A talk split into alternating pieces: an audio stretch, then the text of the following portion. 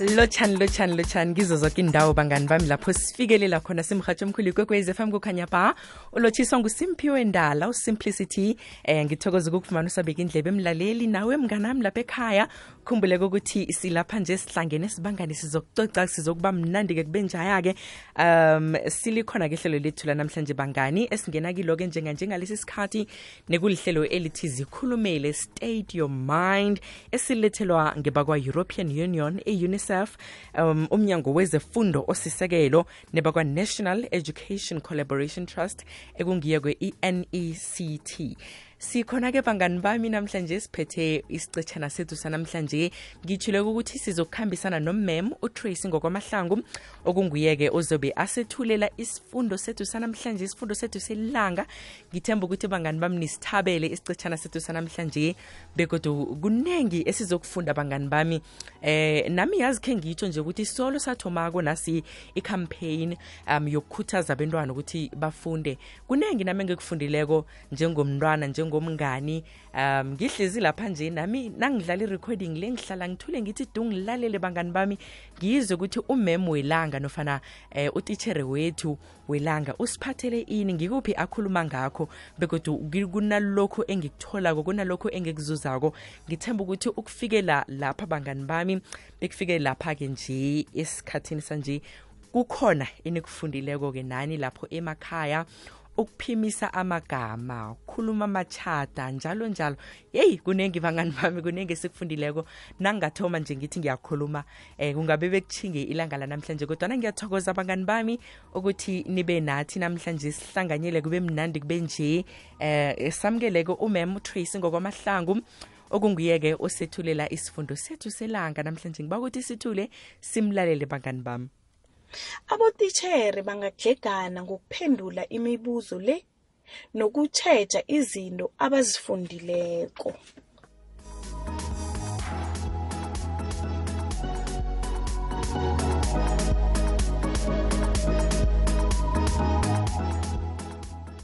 Lotshani ibizo lami ngingutracy mahlangu ongutitshere esomakata primary school esifundeni sangelimpopo.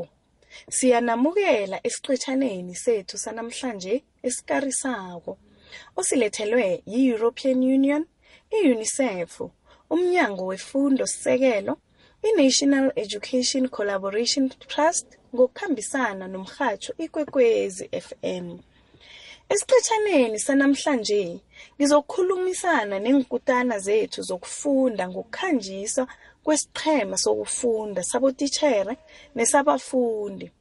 Iinqhema zokufunda kulapho ekuphephileko lapho kunganamibandela eminingi abantu bahlangana khona ukukhulumisana nokuzwa imibono yabanye ngendatshana namkha iincwadi ebazifundileko. Lokhu kusiza ukukhuthaza bona abantu bafundele ukuzithabisa begodi kungezelele itshisakalo yokufunda. Iinqhema zokufunda zikhuthaza ukucabanga nokukhulumisana ngokudlulileko ngendatshana nencwadi begodu kusiza ukwakha ikhono lokufunda nokuzwisisa. Zonke iinkolo kufanele zibe neenqhema zokufunda. Leli ligadango elimnandi nelikarisako ebantwaneni kanye namatitshere usitlama njani isiqhema sokufunda samatitshere imibuzo ongaba nayo nawusungula isiqhema sokufunda ngizoyiphendula namhlanje. Umbuzo wokuthoma kuba yini kutlanywe isiqhema sokufunda? Ukuba nesiqhema sokufunda samatitshere yindlela ehle yokuthoma isiko lokufunda esikolweni. Kulithuba elihle lokukhuthaza ukubambana nokusebenzisana kwabotitshere esiqetshaneni sanamhlanje ngizonipha indlela eningasungula ngayo iinqhema zokufunda enkolweni zenu. Iinqhema zokufunda zikhamba kuhle khulu lokha zidoswa phambili babantu abathanda iindatshana neencwadi Thola utitjhere othanda iincwadi nokufunda bonyana kube nguye odosa phambili isiqhema sokufunda esikolweni senu. Umbuzo wesibili, bobani abangangenela isiqhema sokufunda?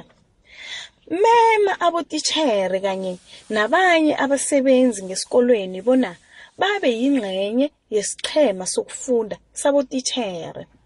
Ungathoma ngokuhlela umhlangano wokuthoma lapho uzokwazisa abotitjhere bona isiqhema sokufunda sikhanjiswa njani. Ungabazisa ngokutlola isaziso usibeke ebhodini yezaziso zesikolo namkha ungafaka ku-WhatsApp group yesikolo. Khumbula ukufaka ilwazi eliqakathekileko elifana nesikhathi, indawo nelanga lomhlangano wokuthoma. Emhlanganweni wokuthoma lo, yazisa abotitjhere bona uhlela ukusikhambisa njani isiqhema sokufunda. Bazise bona lokhu kuzokusiza ukuthuthukisa ukukareka nelulukezo ekufundeni. Buza abotitjhere bona ngiziphi iincwadi neendatjana ebangathabela ukuzifunda. Babawe bona beze nelanga ebangathanda bona nihlangane njengesiqhema sokufunda. Umbuzo wesithathu, kuphi namkha nini? Imihlangano yesiqhema sokufunda kufanele ibe sendaweni ethulileko efana nebulungeloncwadi lesikolo. Kungaba yikumba yokufunda enganabantu namkha indawo engaphandle ethulileko. Ubuncani bakhona kufanele umhlangano ube mizuzu ematjhumi amathathu ukuya ema-erini amabili kanye ngeveke. Umbuzo wesine, sikhanjiswa njani isiqhema sokufunda? Njengoba sewazi bona kubayini ufanele usungule isiqhema sokufunda, wazi bona bobani abangangenela isiqhemesi, wazi isikhathi nelanga imihlangano ezokwenzeka ngayo, kufanele uhlele bona imihlangano izokukhanjiswa ngayiphi indlela. Lokhu kufaka phakathi bona nizokufunda yiphi incwadi namkha indatjana. Nibe nemibandela yokukhambisa umhlangano. Nitlame imibuzo ezokwenza bona kube nokucocisana. Ezokwenza nokobana amalunga wesiqhema azibandakanye. Iba nehlelo langokomthetho. Sebenzisa imibono ekhulunywe emhlanganweni wokuthoma ukuveza ihlelo langokomthetho lesiqhema sokufunda. Ozolinikela amathitjhere elinesikhathi, ilanga nendawo lapha isiqhema sokufunda ezokuhlanganela khona. Kuqakathekile bona boke abothitjhere bazilungiselele ukucocisana ngeengaba abazifundileko. Ukuba nehlelo kusiza bona woke umuntu ahlale anerhuluphelo kilokho akufundako. Khipha ihlelo ulinamathisele ebhodini ukuze boke abothitjhere balibone. Namathisela amanye amahlelo, uwanamathisele amabhodini angesikolweni. Ngaleyo ndlela abantwana bazokubona bona abothitjhere babo bazimisele ngokufunda. Khetha incwadi namkha indatjana. Ungasebenzisa imibono oyithole emhlanganweni wokuthoma ukukhetha incwadi enizoyifunda. Ungabawa abaphathi besikolo bona banithengele iincwadi ezizokusetjenziswa siqhema sokufunda namkha ningakhetha iincwadi ezitholakala kubulungeloncwadi zesikolo. Ezinye iincwadi ningazithola ku-inthanethi. Amalunga wesiqhema angafunda incwadi yinye namkha ezihlukileko. Sungula imihlahlandlela yokukhambisa imihlangano. Iba nemihlahlandlela ukukhambisa imihlangano. lokhu kuzokusiza bona imihlangano ikhambe butshelela iveke neveke kuqakatheke khulu kobana lokhu ukwenze nabotitjhere ngomhlangano wokuthoma ukuze imibandela le ibe ngeyabo. Eminye yemibandela ongayifaka ngile fika ngesikhathi emhlanganweni fika uzilungiselele ukuxoxisana zibandakanye ekuxoxisaneni begodu ulalele amanye amalunga.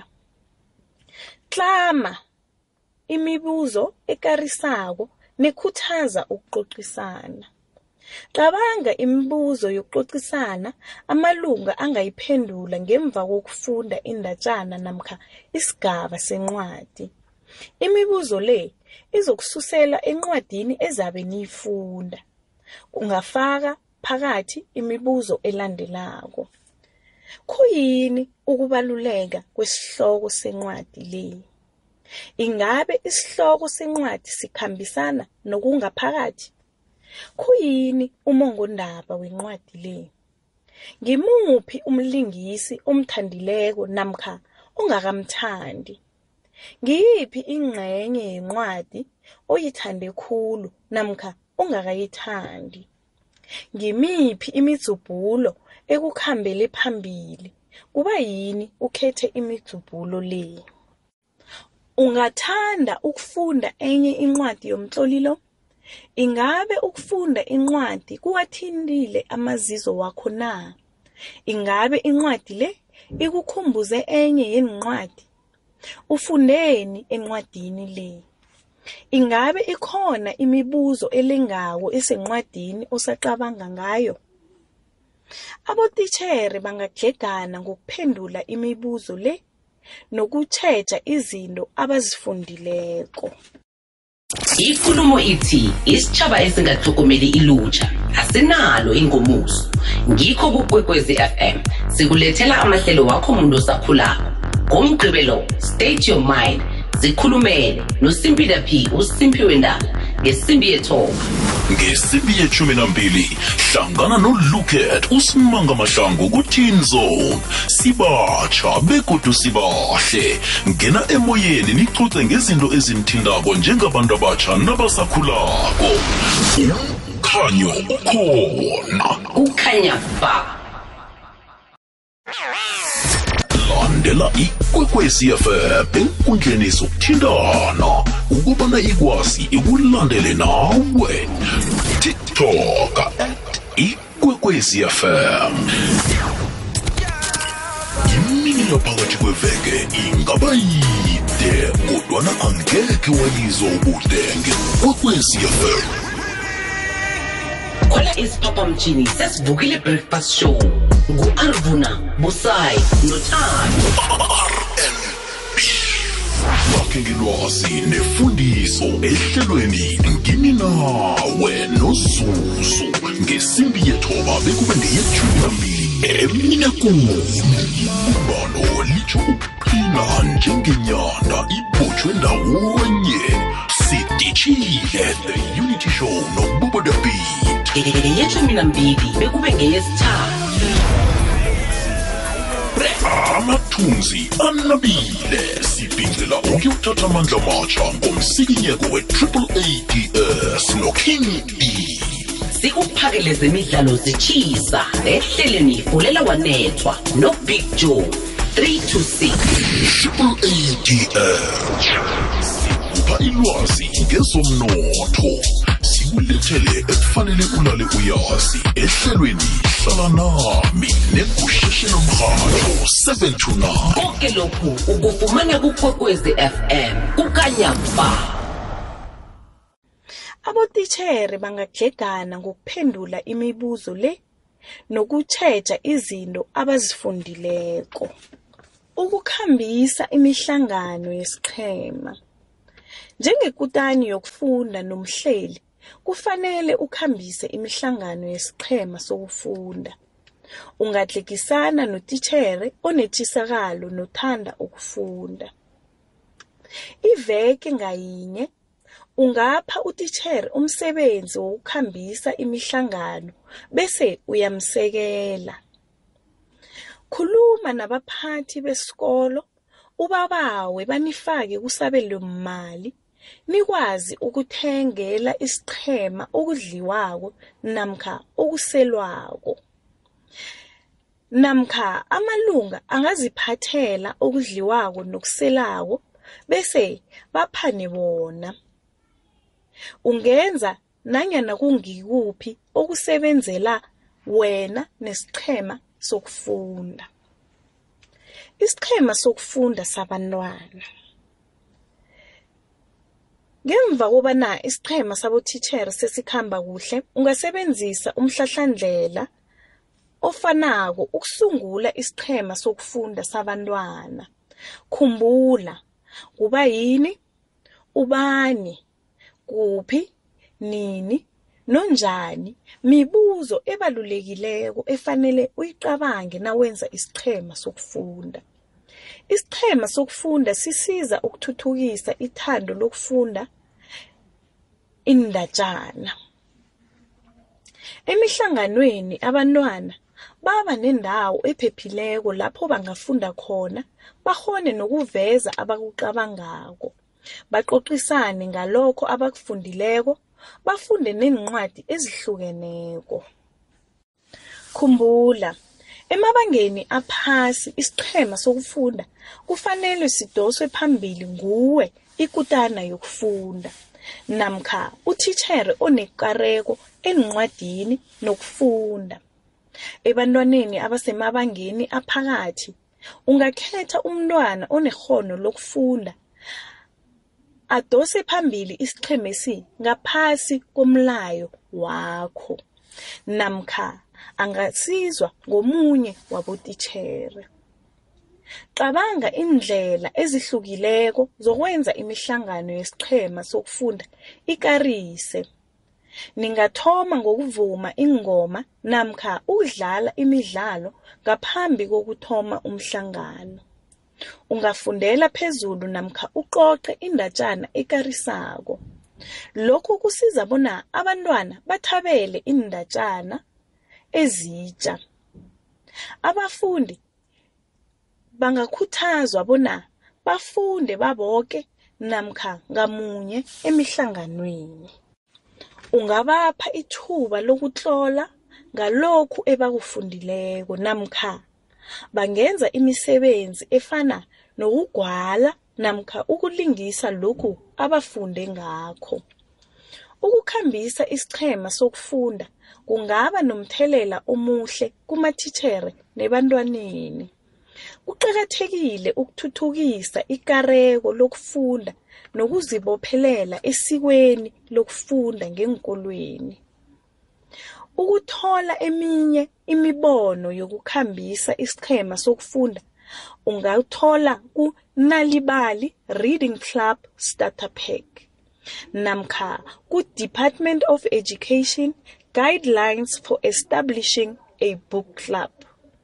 Ungaqala ku-pinterest ukuthola insiza zokukhambisa isiqhema sokufunda samatitjhere nesabantwana. Khulumisana nabaphathi besikolo ngokufaka isiqhema sokufunda kusabelo mali sesikolo njengoba sizokuthuthukisa isikolo sonke uMargaret Fuller uthi umfundi namhlanje umdosi phambili wakusasa. Siphelela la-ke isiqetshana sethu sanamhlanje. Ngithembe bona ilwazeli lizonisiza ukusungula inqhema zenu zokufunda nokuthuthukisa ukufunda ngeenkolweni zenu. Khumbula ihleleli ulilethelwe i-European Union i-UNICEF umnyango wefundo sisekelo i-National Education Collaboration Trust ngokubambisana nekwekwezi FM ngiyathokoza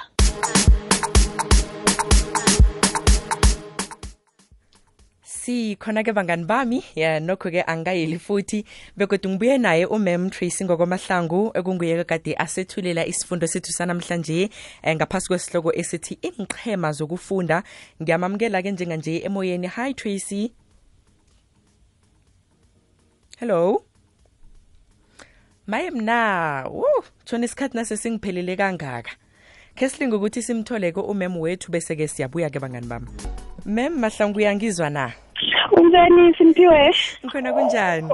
Ngikhona nami. Awa isikhathi asisekho yazi um ngendlela isikhathi isikhathi sikhambile simphiwe ukuze bathole ilwazi elibalulekileko ngama reading clubs bangaya lapha kunalibali reading club starter pack namkha bangaya ku-department of education guidelines for establishing a book club.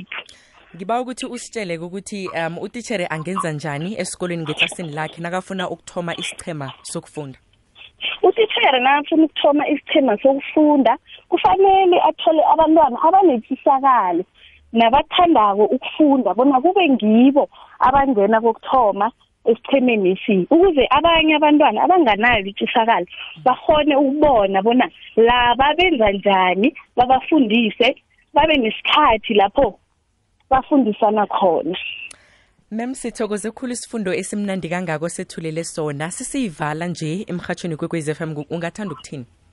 Ngathanda ukuthi ama-reading clubs iinqhema zokufunda zibaluleke khulu engikolweni zisiza abantwana bathuthukise ikhono labo lokufunda. Abantwana siyaba siyaba siyababawa bona bazithome iinqhemezi batshele namathitshera abo bona babathomele iinqhemezi.